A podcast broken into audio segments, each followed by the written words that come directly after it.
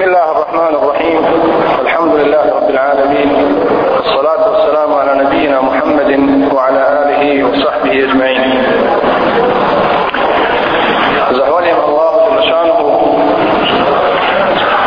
إدنسهم سلوات نبصنيك محمد صلى الله عليه وسلم.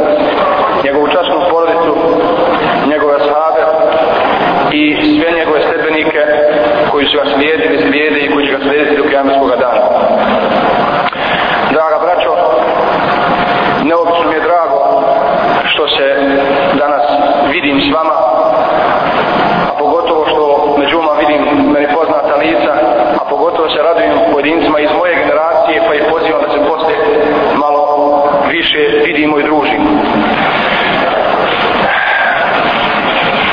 Malo prije čusmo na predavanju našeg prethodnika da ga Allah nagradi najboljom nagradom, da je pažnja koju su stanju učenici onog stepena kojim je govorio maksimalna 20 minuta. Ja se pitam koliko smo mi u stanju da aktivno pratimo predavanje, govorove i ostalo. Pa ću nastojati da budem što jednostavniji, bliži da mnogo od tih metoda o kojima smo čuli primijenem tokom svoga govora. Naime, živimo u teškim vremenima.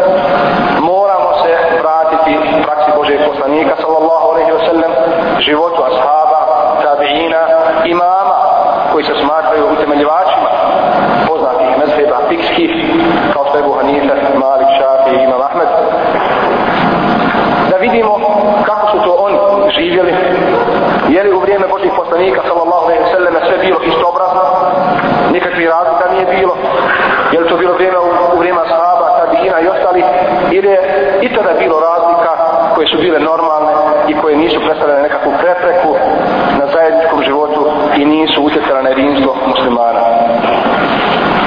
Allah Želešanuhu je odabrao poslanika sallallahu alejhi ve selleme kao najeftalnijeg kao najeftalnijeg stvorenje i njega zadužio da svojom praksom pokaže muslimanima kako treba da se sprovedu u život imperativi Allaha Đelšanu kroz Kur'an, odnosno kroz hadis koji je isto tako izvor, izvor islamskog prava. Za vrijeme Božih poslanika sallallahu alaihi wa sallam ashabi su imali njega i za svaku stvar, za svako pitanje koje im je bilo nejasno se njemu obraćali i on bi na to odgovarao obavezujući ostale to prihvatio. Međutim, imamo primjera iz života Božih poslanika sallallahu alaihi wasallam gdje su ashabi, različiti ashabi, različito razumijevali i prelazili pojedinim hadisima i uputama Božih poslanika sallallahu alaihi wasallam.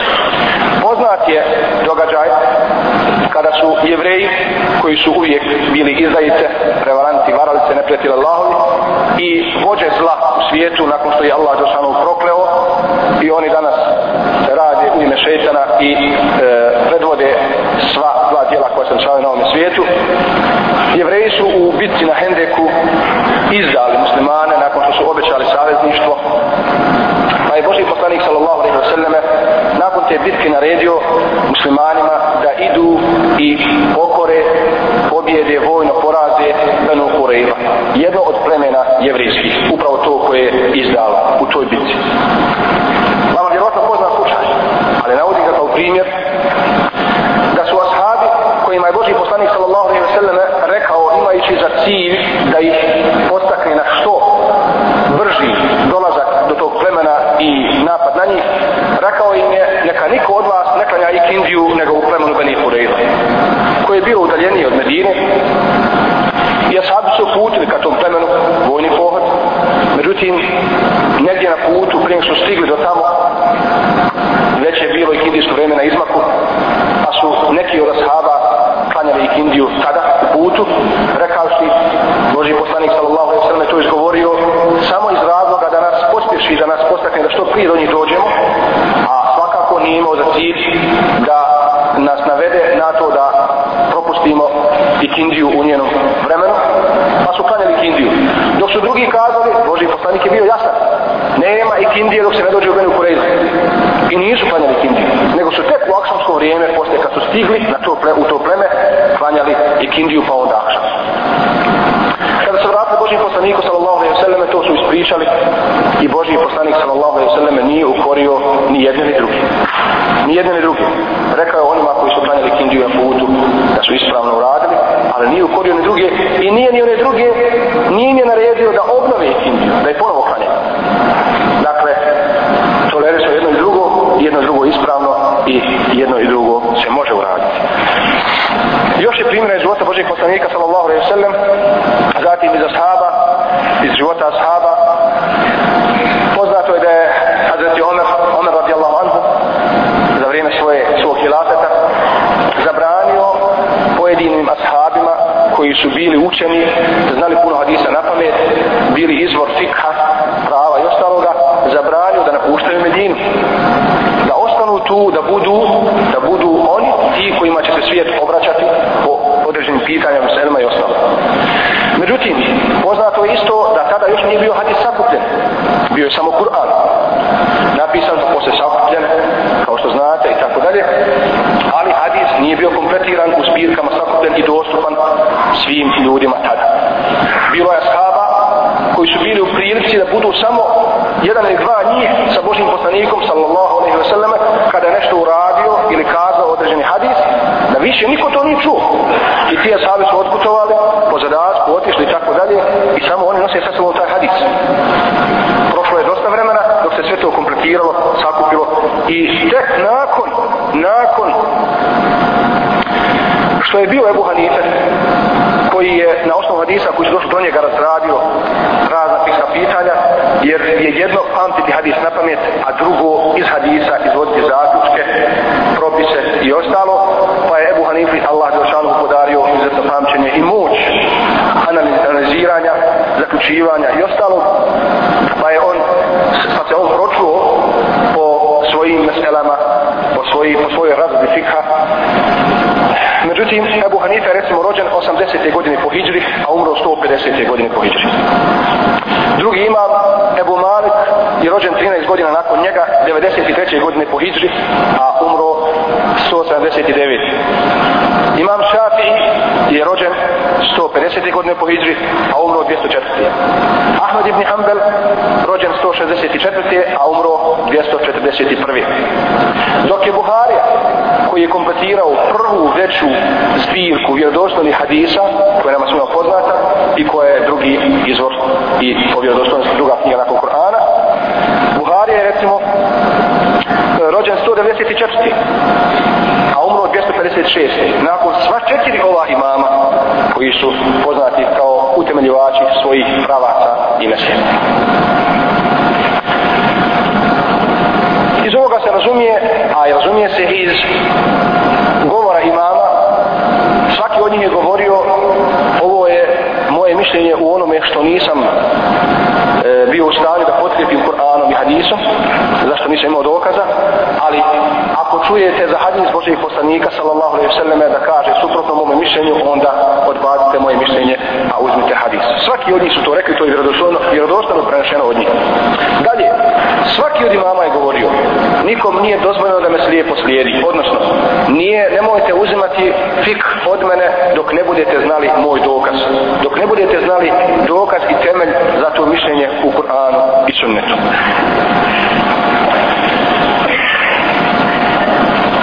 Međutim, nakon širenja islamske države i njenog slabljenja, kada su počele nasljednje dinastije, kada se počeli vladari e, nasljeđivati porodično ili e, dinastijski, pa su mnogi od tadašnjih vladara podržali mezheb kog su oni prihvatili time što su uslovili kadijama, sudijama da sude, da e, prosuđuju po tom mezhebu, pa su se tako neki mezhebi raširili više nego drugi i tako dalje. E, zatim se to raširilo i u narod e, kako je više opadao pravi iskreni pristup islamu kroz njegove izvore Kur'an i Sunnet sve se više ljudi vezali za izreke za propise koji su prenešeni od imama zapostavljajući Kur'an i Sunnet i do te mjere je došao umet islamski da je nakon pada Bagda, odnosno Damaska u ruke Tatara e, 656. odnosno 656. godine bilo takvo stanje u islamskom svijetu da su u jednom Damasku recimo postala je džamija sa četiri hraba svaki mezheb je imao svoga imama i svoj mihrab. Niko nije sjeo da klanja za drugim imamom drugog mezheba.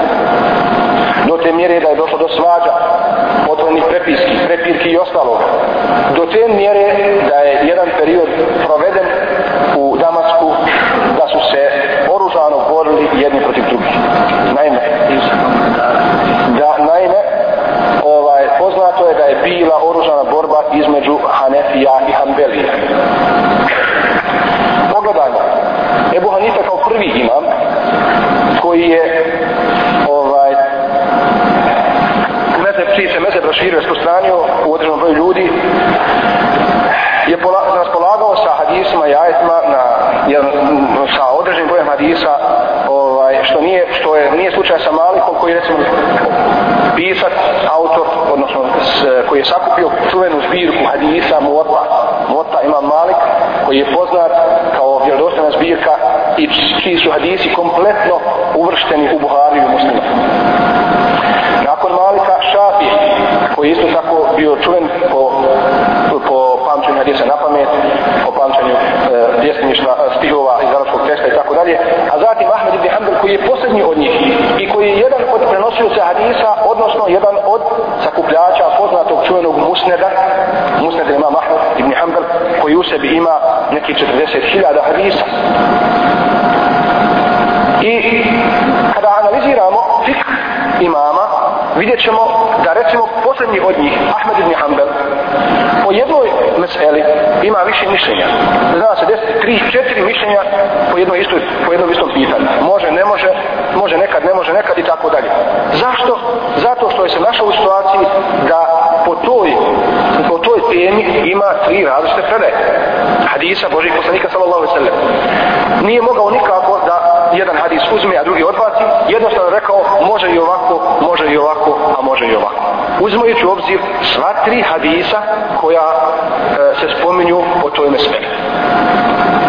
Dok nije slučaj kod Ebi Hanife, Ebu Hanifa je e, išao sa određenim ajetima i hadisima i nastojao da sve ostale ili ovaj e, zanemari normalno iz opravdanih razloga, ostavio i tako dalje, smatrajući da je ovaj hadis više sahih, ovaj manje i tako dalje. Međutim, ulema i mučtehidi koji su dolazili posle njih su naišli na nešto što se u fiku zove fiku ihtijar. Naime, jednostavno je bilo nemoguće pomiriti sve te razlike među muslimanima koje, se, koje su nastale e, preko mezheba. Nemoguće je pomiriti i zbog toga je jedan dio Leme pozivao u fiku ihtijar. Naime, birati birati e, sve ono što ima potkrepu osnovu u hadisu. Dakle, da se ne mora kazati, recimo dizanje ruku u namazu prilikom počnem tekvira kako mi to činimo.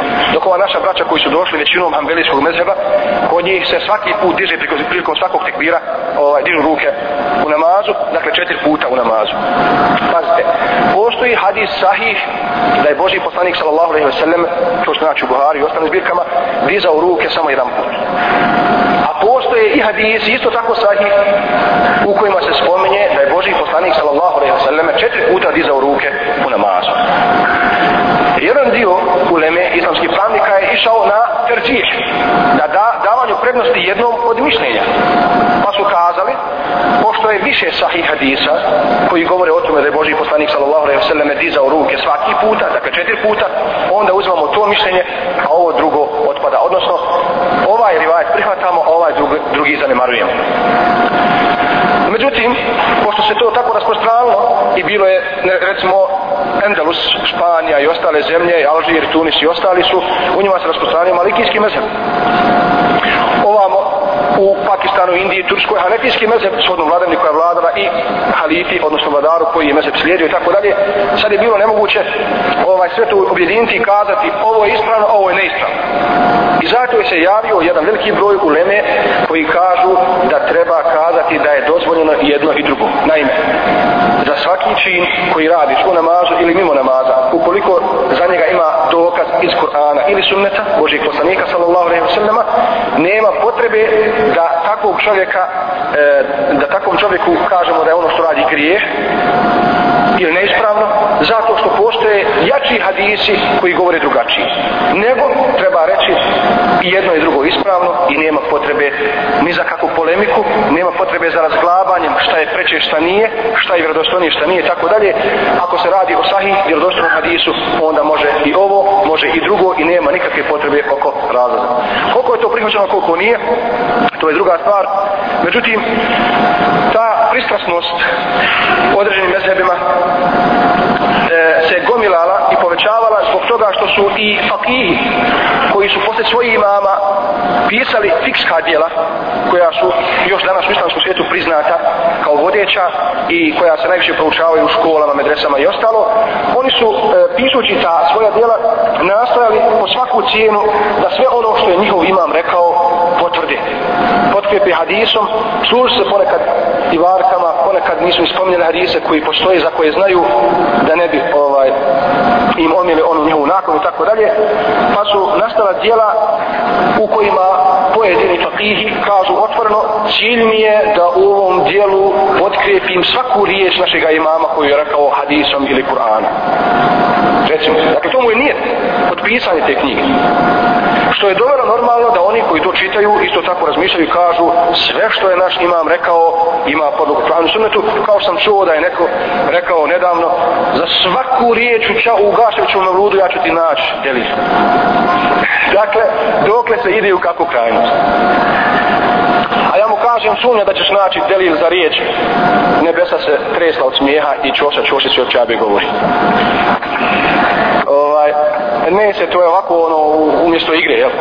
u Zagrebu dalje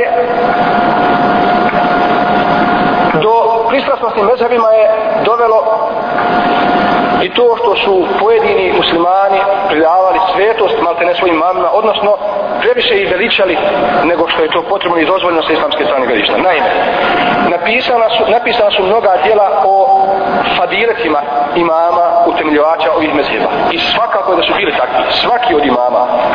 Ebu Hanife, kako se navodi, umro u zatvoru koji je postio, ne znam, 40 godina se nije umrt, 40 godina je postio, pa 40 godina je e, noć proveo, odnosno klanjao, kaže se tamo u pojedinim knjigama, klanjao sabah sa jacijskim abdestom.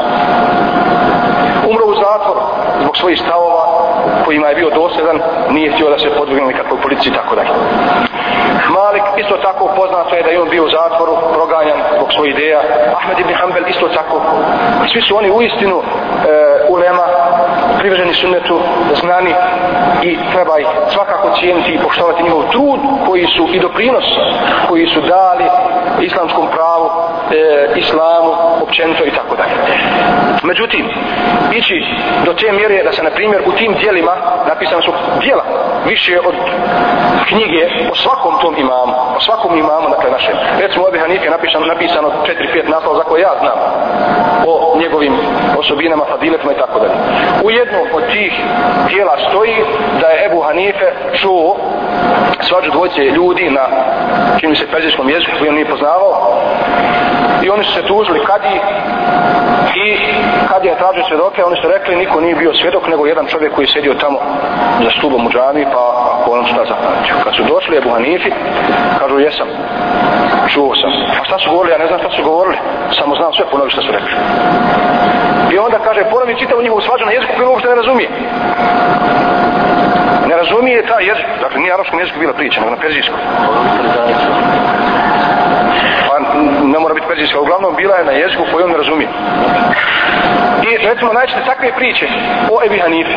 Dakle da imao toliko jak hips i tako dalje u kojima se već pretjerala koje nemaju osnova i u kojima već se počela raditi ta ideja i normalno iz raznih još političkih razloga iz e, antagonizma i ostaloga Arapi, Arapi, Turci, Arapi i tako dalje sve se to uvlačilo do te mjere da se postalo jednostavno kada se kaže šta ti je dokaz zato što radiš dokaz mi je da je Ebu Hanif rekao tako i tako ili da je rekao Jusuf tako i tako odnosno Ebu Jusuf ili Muhammed i tako dalje.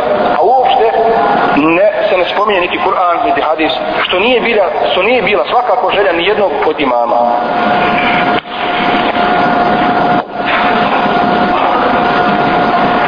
Recimo do te mjere je došlo da čuvena ulema priznata čije se knjige danas izučavaju kao što recimo Mulla Ali Al-Qari jedan čuveni hanetijski alim koji je dao svoj komentar, čuveni komentar na Al-Fiqh Al-Akbar u Akaidu od imama Bihanife koji je rekao u jednom od svojih dijela tvrdi da nije dozvoljeno Hanefiji da pređe u šafijski mezheb. Da prihvati šafijski mezheb. Ako to uradi on se mora kazniti. Kazniti. Kao tazir. Opomen zamislite da drugi jedan kaže recimo da je Hanefi da Hanefi nije džajz klanja za šafijom.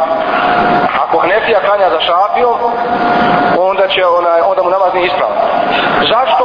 zato što mi imamo različitih pristupa i mišljenja po pitanju abdesta recimo kod šafija krv ako poteče nekvari abdest kod nas kvari s tim na osnovu toga dakle šafija je bez abdesta ponašen i kako će klanjati bez abdesta čovjekom bez abdesta dakle dotle se išlo na takav način i onda nema svaka, svaki mezheb svoj mihrab i svog imama i niko ne zatim ne klanje tako sve je to bespotrebno i svakako svakako nema osnovu u Kur'anu i sunnetu i to mi danas ne bi smjeli nikako prihvatiti i ne bi smjeli podržati. Međutim vratimo se na našu stvarnost. Mi ovdje u našem podneblju nismo poznavali nego hanefijski mezheb. a pogotovo novije komunističko doba u kojem smo ostali bez velikih autoriteta koji su pisali, koji su poznavali i tako dalje, nego smo se ograničili na ono što smo imali na bosanskom jeziku iz fika. Svakako, e, trebate biti svjesni da jedan fikul ibadat koji smo imali kao jedini izvor za fik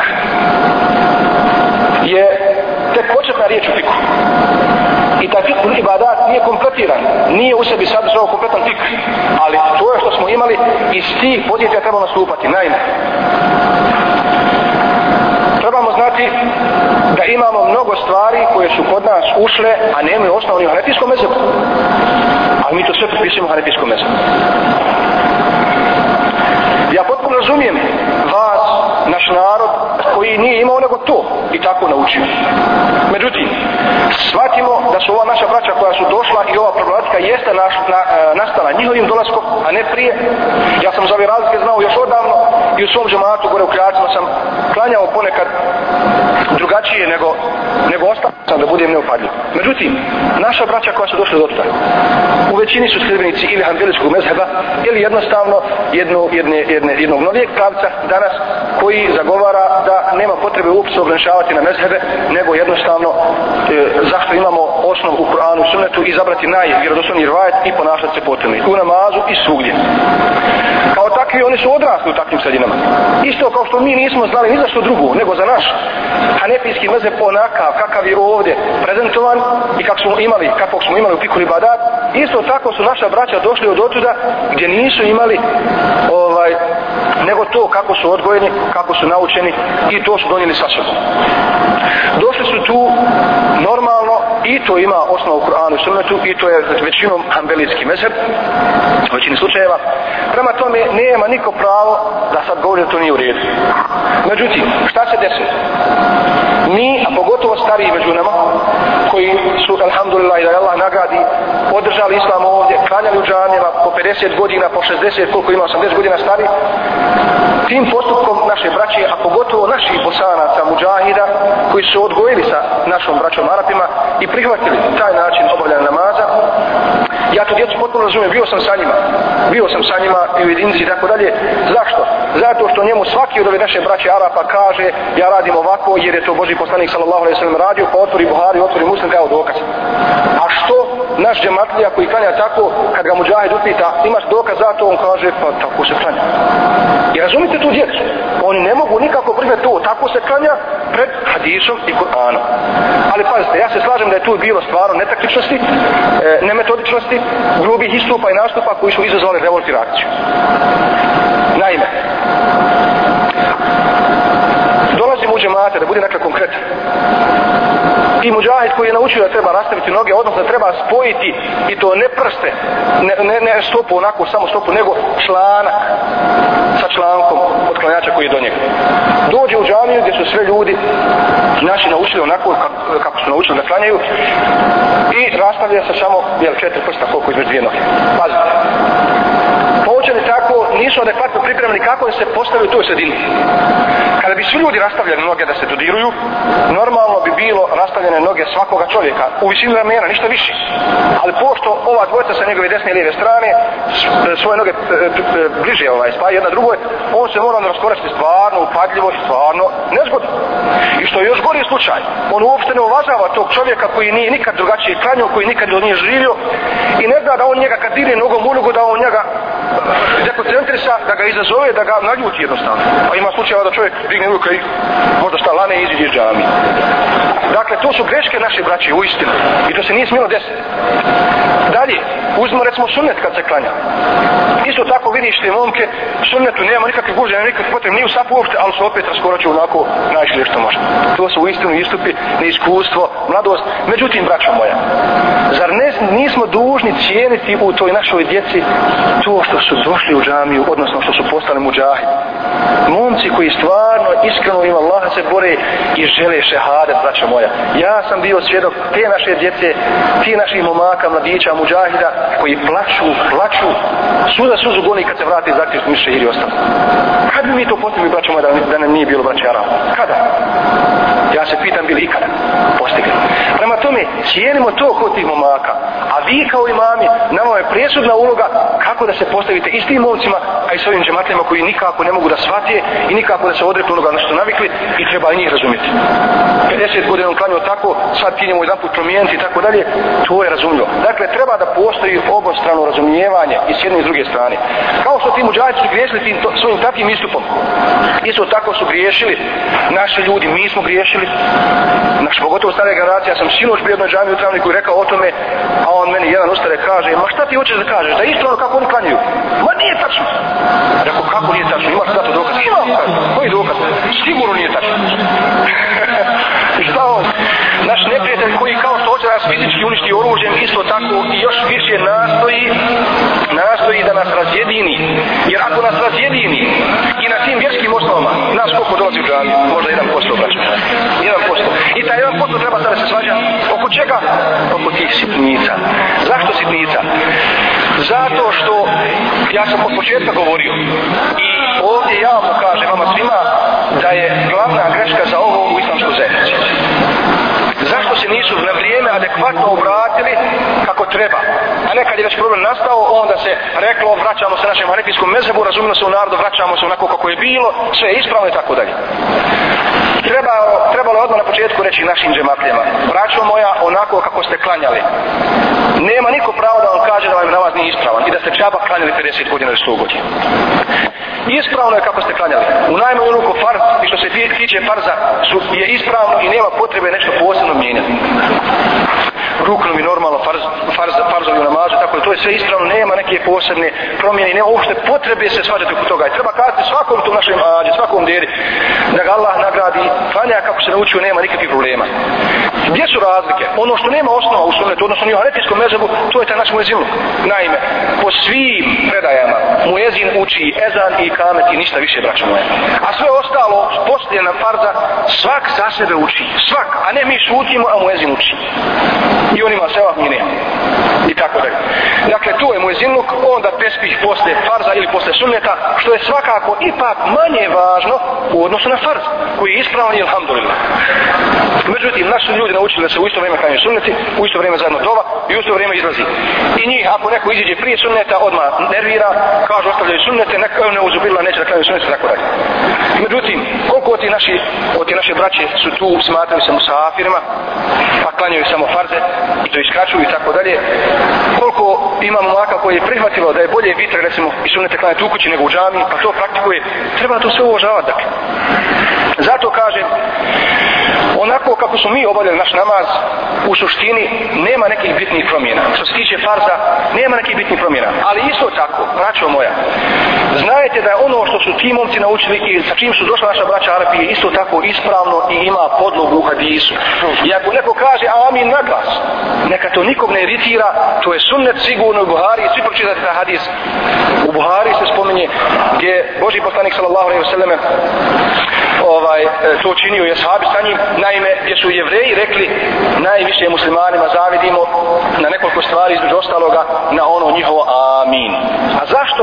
Zato što se u Fatihi kaže Allah, moli se Allah Žešanu da nas uputi na pravi put, ne na put kršćana koji su zalutali, niti na put jevreja koji su mahdubni ali koji na koje se Allah rasrdio. Jer oni nisu zalutali za znanje, ako su znali, a pogazili istinu i odmetnuli se od Allahove riječi. Pa mi onda na to kažemo amin. Jevreji to znali i bilo im je krivo zbog toga. Prema tome, ne može niko reći da to nije ispravno. Drugo, ako neko kaže amin na glas, po jednom, jednom dijelu od naše uleme ili ostataka bivše uleme, se to ne može zašto? Jer kaže, nije dozvoljeno čovjeku, pripadniku jednog mezeba, da uzima i drugog mezeba. I to je, braćo moje, uistinu bilo mišljenje, kako rekao jedno vrijeme, mišljenje koje je vladalo i prevladavalo u muslimanskim sredinama. Da čovjeku nije dozvoljeno da ovaj bilo što od drugog mezeba uzima, inače smatra da izlazi iz svog mezheba i tako dalje. Što svakako nije osnovano, braćo moje. To je bilo u ono doba dekadence i opadanja islama i služenja i kadija i uleme u većini slučajeva politici koja je vladala i tako dalje. Stoga, stoga ću vam reći, Allahu Đelešanu je rahmet da imamo tih radnika manjih u pristupu određenim pitanjima i ga, ja vam odgovorno tvrdim da svako ko prihvati bilo šta što ima podlogu u Kur'anu i sunnetu, a u okviru barem jednog od četiri mezheba nije pogriješio i uopšte nema potrebe oko toga polemisati. Prije muslimanski svijet bio podijeljen Hanefije su, u, kao što rekao, u Pakistanu, Indiji, Turskoj, kod nas, e, tamo su Malikije, na drugom mjestu, tako dalje. Međutim, danas je svijet izmiješao. Ja sam bio po mnogo arapskih zemalja u Europi, tako dalje. Hanefije su i Pakistanci, Indijici i Turci. Nijedni nisu isto ne klanja.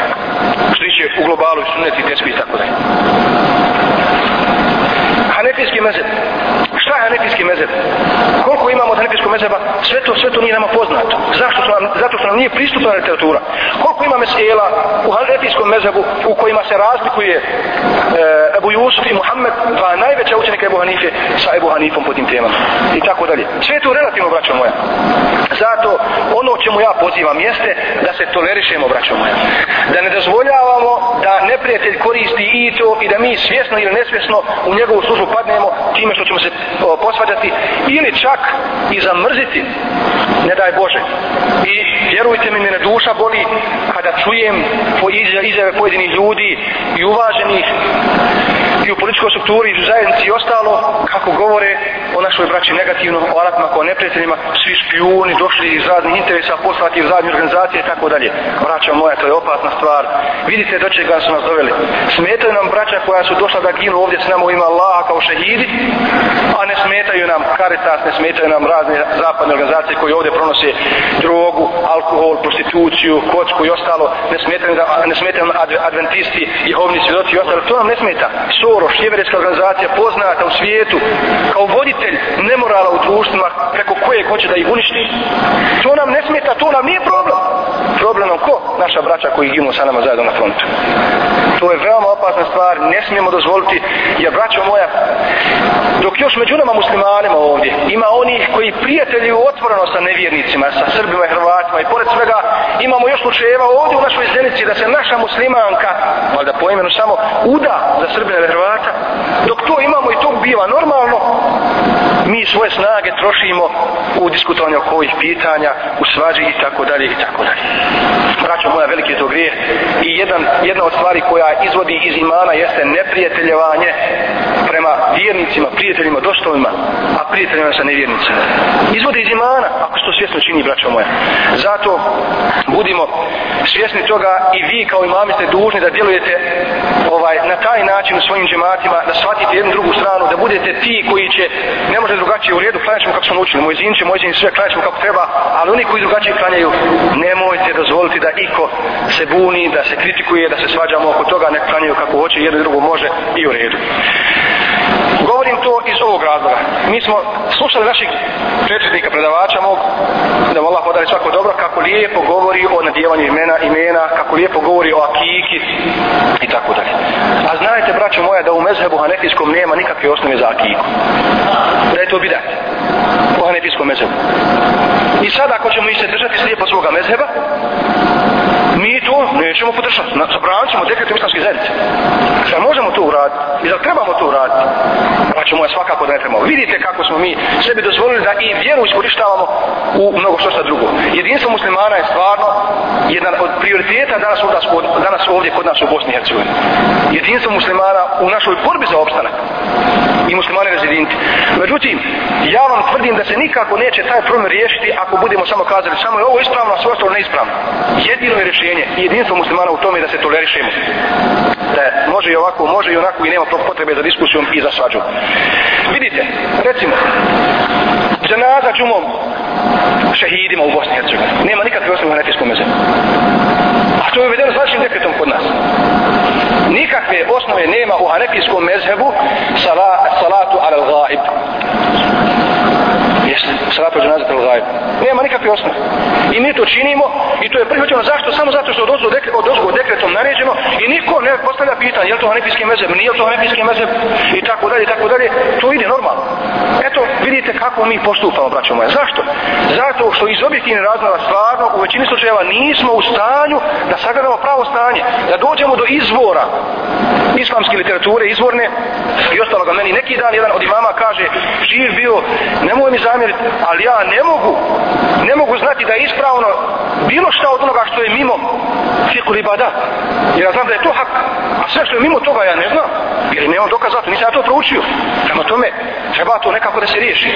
Vidite, fiqh sunne jedno dijelo čuveno, za ste vjerojatno većina vas čuli je napisano u Egiptu napisao ga naš profesor čuo sam da je umro ako je umro rahmatullahi alihi iz Egipta koji je u Egiptu prije još 15-18 godina je nastalo su ovako problemčići oko tih razlika. Jer u Egiptu imate sve mezebe i hanefijski, šafijski, hambelijski i u džani se osjete te razlike. I to nije smetalo. Međutim neko je ubacio kost i počelo to da smeta da se pravi razlike svađe i onda je on zamoljen zvanično od autentične, autentične uleme tada da napiše dijelo u kome će zanemariti te razlike i pokušati da na osnovu Kur'ana i sunneta, odnosno sunneta Božih poslanika sallallahu alejhi ve sellem napiše to dijelo i nazvao ga je fiqh sunne, fiqh sunneta. To dijelo je bilo kod nas prevedeno, zašto je štampano, zašto nije štampano ne znam, ali znam da je bilo gotovo kompletirano sve još prije ovoga rata u Bosni i Hercegovini, ali najvjerovatnije zato što nije po mezhebu. Eto do čega dovodi naš ovakav stav. Knjiga vrijedna koja je opće prihvatena u čitavom svijetu. Vi ćete rijetko naći bilo kojeg ozbiljnijeg gradnika, ozbiljnijeg gradnika na islamskom polju, bilo gdje u svijetu, a da tu knjigu nema u svojoj biblioteci. I da je ne koristi svakodnevno kao izvor. Prema tome, pogotovo kada se nalazimo danas u ratu, u situaciji kada smo veoma potrebni, potrebni prihvatanja određenih stvari koje nisu u našem mezebu priznate, ali imaju osnovu u ostalim mezebima i imaju osnovu u Kur'anu i Sunnetu. Uzmimo samo, braćo moja, spajanje namaza. Po našem mezebu nema spajanja namaza, nego samo na refatu i na muzdelifu. I nema više nikak. Po ostalim mezebima ima i, po, i zato postoje sahih hadisi koji o tome govore kako je Boži poslanik sallallahu alejhi ve sellem spavao. Uzmite danas našu braću, naše borce na liniji kojima je najteže koliko njih ima, ja sam se u to uvjerio, lično sam sa njima razgovarao, koji kod će klanjaju, ali na liniji ne klanja. Zašto? Živimo. Kako ćemo se skinuti čarape i abdestiti noge, oprati noge hladnom vodom na liniji gore, klanjati svaki vakat u svoje, svoje vrijeme, akcija na akcije, tako dalje. Potreba, nasušna potreba našega vremena da se spajaju namaz. Kolika je to samo olakšica? Allah Đelšanu kaže, inna Allah yuhibbu en tu'ta ruhasu kama yuhibbu en tu'ta azajmu. Kaže Allah Đelšanu, Allah voli da se njegove olakšice koriste isto kao što voli da se izrašavaju njegove rađenja. Kolika je potreba naših borca danas da u bilo koje ili podnesko ili kindijsko vrijeme klanja i podnije kindiju zajedno jer je Boži poslanik sallallahu alejhi ve sellem spajao zbog kiše koja udari a kamo zbog straha zbog akcije i tako dalje spojiti zajedno klanjati u odmah čim nastupi podne i kindiju i podne on je slobodan do saba jer akšam jači opet može zajedno klanjati u akšamsko ili jačijsko vrijeme i to koristiti. drugo mes po čarapama. U, u našim fiksnim knjigama i na ruskom jeziku ćete naći vrlo, vrlo stroge u, u, u, u, ovaj, uslove za mespe. Za taj dio na nogama po kojem bi se mogao mes činiti. Mespe onako kako se mi naučili da su mespe kožne, zatvorene i tako dalje. Međutim, braćo moja, to se ne spominje u hadisima tako strogo i otvoreno. Jednostavno, mo, treba da bude prekrivena noga, pokrivena nečim što samo sve po sebi stoji na nozi, što se neće lahko poderati, razguliti, otkriti i tako dalje. To su osobine iz hadisa mesta kako bi trebalo da izgledaju. Dakle, naši zimski čarapi, bilo pleteni debeli čarapi ili bilo deblji ovi malo deblji koji se kupuju u prodavnicama čarapi su sasvim dovoljni, braćo moja, za mes po čarapima. I da to budu mespe. Sad ja vam to odgovorno tvrdim. I to je praksa većine muslimana danas u svijetu. Po čitavoj Evropi sam putovao, u svim zemljama Evropi. Svugdje to koriste. Zamislite, ja na aerodromu da skidam čarape i da se abdestim i da dižem mnogo gore u pneumonik jer nema drugog ništa tamo ili u avionu. Olakšica je velika. Potreba našeg vremena, braćo moja. Obući noge pod abdestom, o, čarape pod abdestom, kad se operu noge, u 24 sata jedan put za mukima i posle toga samo mes po čarapama činiti kao po mestama. Nikakvih problema nema. Olakšica je velika. Oni, borce, posebno za borce. Dalje ako je musafir, tri dana i tri noći i to treba koristiti, to treba objašnjavati. Isto tako mes po obući. Ako sam obukao čarape pod sam tako i smatram čarape svojim svojim mestom. isto tako ja nisam dužan da raskopčavam čizmu vojnički, rašnjiravam pa da bi mes po čarapama, nego počizmalo mes slobodno, bez ikakvih problema dok se ponovo ne skinu čarape i tako dalje. Klanjati u obući, u čizmama. Isto tako, vrlo bitno. Vrlo bitno. Boži poslanik sallallahu alejhi ve sellem klanjao u nalunama. Nihar. Naše bukvalno čeno nalune, ali to su bile ovako ko, ko, ko kafe, onaj kaloše ili, ili kako kaže su hlape ili tako dalje. Papuče ili tako dalje. U tome je klanio Boži poslanik sallallahu alejhi ve sellem. Hadisi zato postoji u Buhari. Prema tome nema uopšte potrebe za komplikovanjem i nema potrebe da se to odbacuje i negira. A potreba nam je velika da to koristimo danas. Dalje, akika. Mi još tvrdimo, kaže, udali ste sada po hatmalama, ljudima, nema i ostalo, a to je u naše komunističko doba bio jedini način našeg okupljanja. Jedini način. I tačno je to. I to je stvarno bilo u to vrijeme tako i to se koristilo da se nešto kaže, da se govori, da se sakupe muslimani. I to je bilo u redu i pozitivno. Pogotovo što kod nas Mevlud nije samo Mevlud za rođendan Muhammeda sallallahu alejhi ve nego Mevlud svaka svečanost vjerska Mevlud. Evo ga Mevlud sakupi se ljudi. I to nam lijepo. Ali šta nas sprečava da taj Mevlud tu svečanost e, kreiramo onako kako to odgovara sunnetu i Kur'an. Nek se zove Mevlud. Samo nek nije dan rođendana Muhammeda sallallahu alejhi ve sellem. Nek se zove Mevlud. Pa tu ćemo baciti aktualna ajeta, kuranska lijepo predavanje, lijepe ilahi o džihadu, o šehadetu i tako dalje. I nema nikakvih problema. Ali, zašto ne uvoditi, jer porodate, braćo moja, nijedan bidat se ne pojavi, a da se njime nije umrtvio sunnet. Nestalo sunneta, zapostavio se pa došao bidat. Zašto, evo, akika, ne uvoditi to po sunnetu Božih poslanika sallallahu i to da preraste u jednu manifestaciju muslimana na ovim terenima na takav lijep način po sunnetu je toga već jedno e, jedno novo okupljanje, novi vid okupljanja po sunnetu Božih poslanika sallallahu alejhi ve koji se isto tako može veoma veoma lijepo i ovaj dobro iskoristiti za ono što mi želimo. Bila je gore jedna akcija s jednog korpusa. Velika akcija. Kaže ovako jedan boraca i komandant čete, komandir čete koji je vodio tu četu u proboju nikad nismo imali više municije. Potrošili smo u tom napadu od prilike 30.000 metara. Oko 500 granata. Imali smo i vojske. Allah dao maglu i kišu. Ne može biti povoljniji teren. Ali, ništa. Naime, napali smo i udarili i četnici su pobjegli sa svoje linije ali nije se našlo niko od naših boraca istinski muđaj koji se ne boji smrti pa da samo uskoči 30 metara što je ostalo očistog prostora između nas i njihovi minski polja i njihovi zemunica koje su bili pustili, znamo za to. Niko se nije našao da uskoči, samo nam je to falo. I to svi znaju i komandanti. Kako ćemo tu svijest izgledati u našim borcima i govoriti im o tome da moraju klanjati, da trebaju klanjati i da bez toga nema uspjeha i tako dalje, ako smo pred njih predstavili sve ove prepreka da nije u stanju da obavi namaz. Jer se ja pitam ko bi od nas gore u takvoj hladnoći skinuo čizme da, da, da i opere da bi klanio namaz. Pitam se ja koliko bilo Efendija da bi to uradio, odnosno nas, i ja sam Efendija. Tome, braćo moja, vidite kako se tim stvarima postavljaju prepreke na putu vjernicima, a mi smo danas u situaciji kada živimo u doba gdje su muslimani, gdje je čitav svijet postao jedno selo, jedan džemat.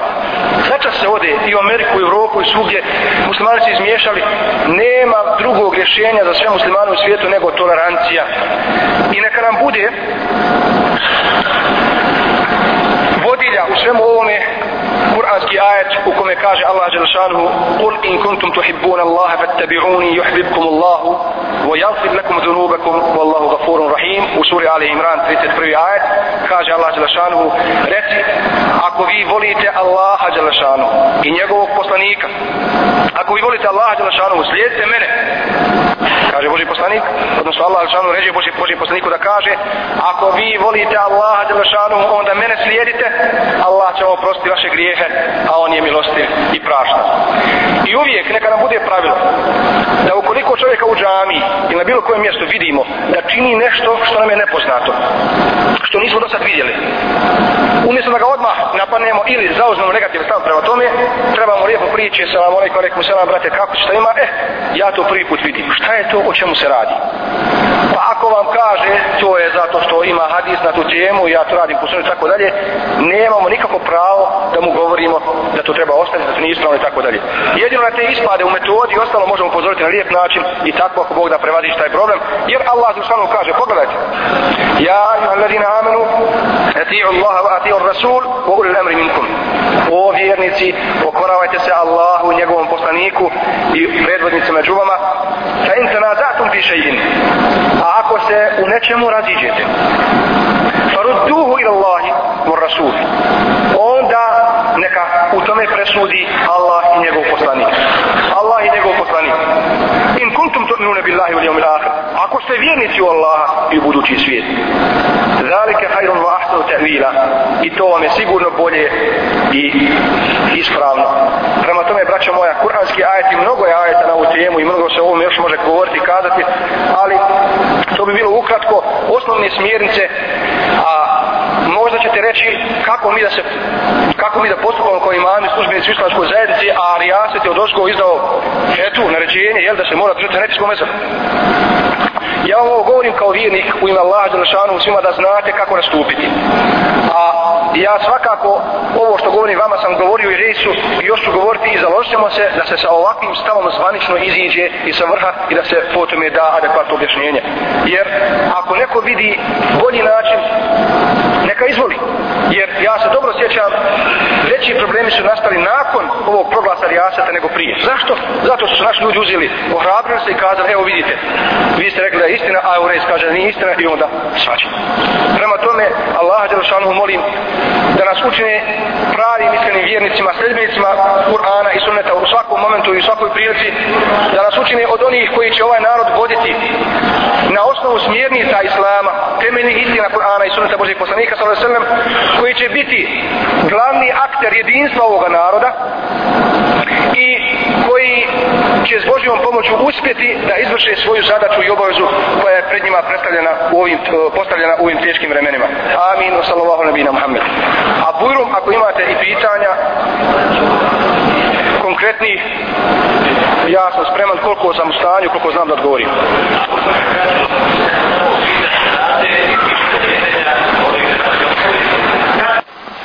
I kašika, upotrebe kašika s kojima mi svakodnevno jedemo. Što se tiče brade, evo braćo moja kako to stoji u našim hanefijskim knjigama, odnosno normalno ovaj, na osnovu sunete Kur'ana. Ali u hanefijskim knjigama, otkud je kod nas rasprostranjeno mišljenje da je brada sunnet? U hanefijskim knjigama stoji da je brijanje brade haram kao i u drugim, drugim knjigama, jer se pouzdano zna da ni jedan od poslanika, odnosno ni, ni poslanik, ni jedan od sahaba nije bio bez brade. Da su svi bili s bradom i da je Boži poslanik sallallahu alaihi wasallam imao bradu dužine šaki, koliko je mogu uhvatiti šaku. I da duža nije bila kod Boži poslanika sallallahu alaihi wasallam. Kako? Jedni kažu da je to tako Allah ga stvorio u najljepšem obliku, pa je jedan možda najprožnija veličina i najljepša takva da bude tolike veličine, a opet drugi kažu da je ovaj neka podkresavao što nema temelja u hadisu. Ashabi ostali svi su imali brade, niko nije bez brada brio. U Nevevi komentaru svoga u sahih muslima, u svom komentaru sahih muslima kaže da je između ostalih stvari koje su mekruh tahrimen jeste i brijanje brade. U hanefijskim knjigama isto tako stoji. Ali kažu, sunnet je imati bradu duži, u dužini šaki. E sada, pogledajte. Zanemario sam na prvi dio, haram je brijati bradu. A šta je sunnet? Sunnet je da bude tolika. Što znači da svakako treba imati bradu pa makar koliko je bila. Makar i štucu i tako dalje. Ali je sunnet imati bradu u dužini šaki. Mi smo zaboravili na prvi dio, a ostoje među nama ovdje rasprostavljeno da je to samo sunnet. Ustani brade je sunnet. Što se tiče jedenja kaškom, oko toga nema nikakvog spora, to je dozvoljeno i nema nikakvih problema. Ovaj, normalno da ostaje sunnet i onaj koji bude jeo rukom zbog toga što je sunnet ono normalno što se može praktično se može jesti rukom da će za, ako to čini zbog toga što hoće da primjene sunnet ovaj, imati nagradu Allah za šanu ali nema nikakve zapreke jeti, jesti kaškom i u tome je saglasna kompletna ulema u cijelome svijetu danas Jeste normalno, kao što nema nikakve, nikakve problema upotrebljavati auto, avion i ostalo, što su svakako dužni da radimo. Dalje. Ha? Ja ti kažem kakva je stvar. Haram je bijet brad. Pa sad, ja sam čitao ljudima jednog našeg uglednog čovjeka koji kaže, Bože dragi, ja se mislim koliko je danas naših bosanaca osvanilo u haramu. Ako je našao sebi taj luksus da obrije brad i zapali cigaru. Ima i to, ali ja vam kažem ono što jeste, uzmemo vraću moja danas, vidite, danas autoriteti u širijetskom smislu, u islamskom svijetu su poznati. Jedan od njih je Kardavija, Jusuf al-Kardavi, od kog je prevođeno od nas mnogo toga. E uzmo njega, kao jednog čovjeka koji je sada živ, savremen, koji je tu i koji je pisao o tim stvarima. Pa vidimo šta on piše. I o duhanu, i o muzici, i o svemu. Evo, jedan mlad ima iz odbora islamske zajednice Zavljević ima pitanje da postoji.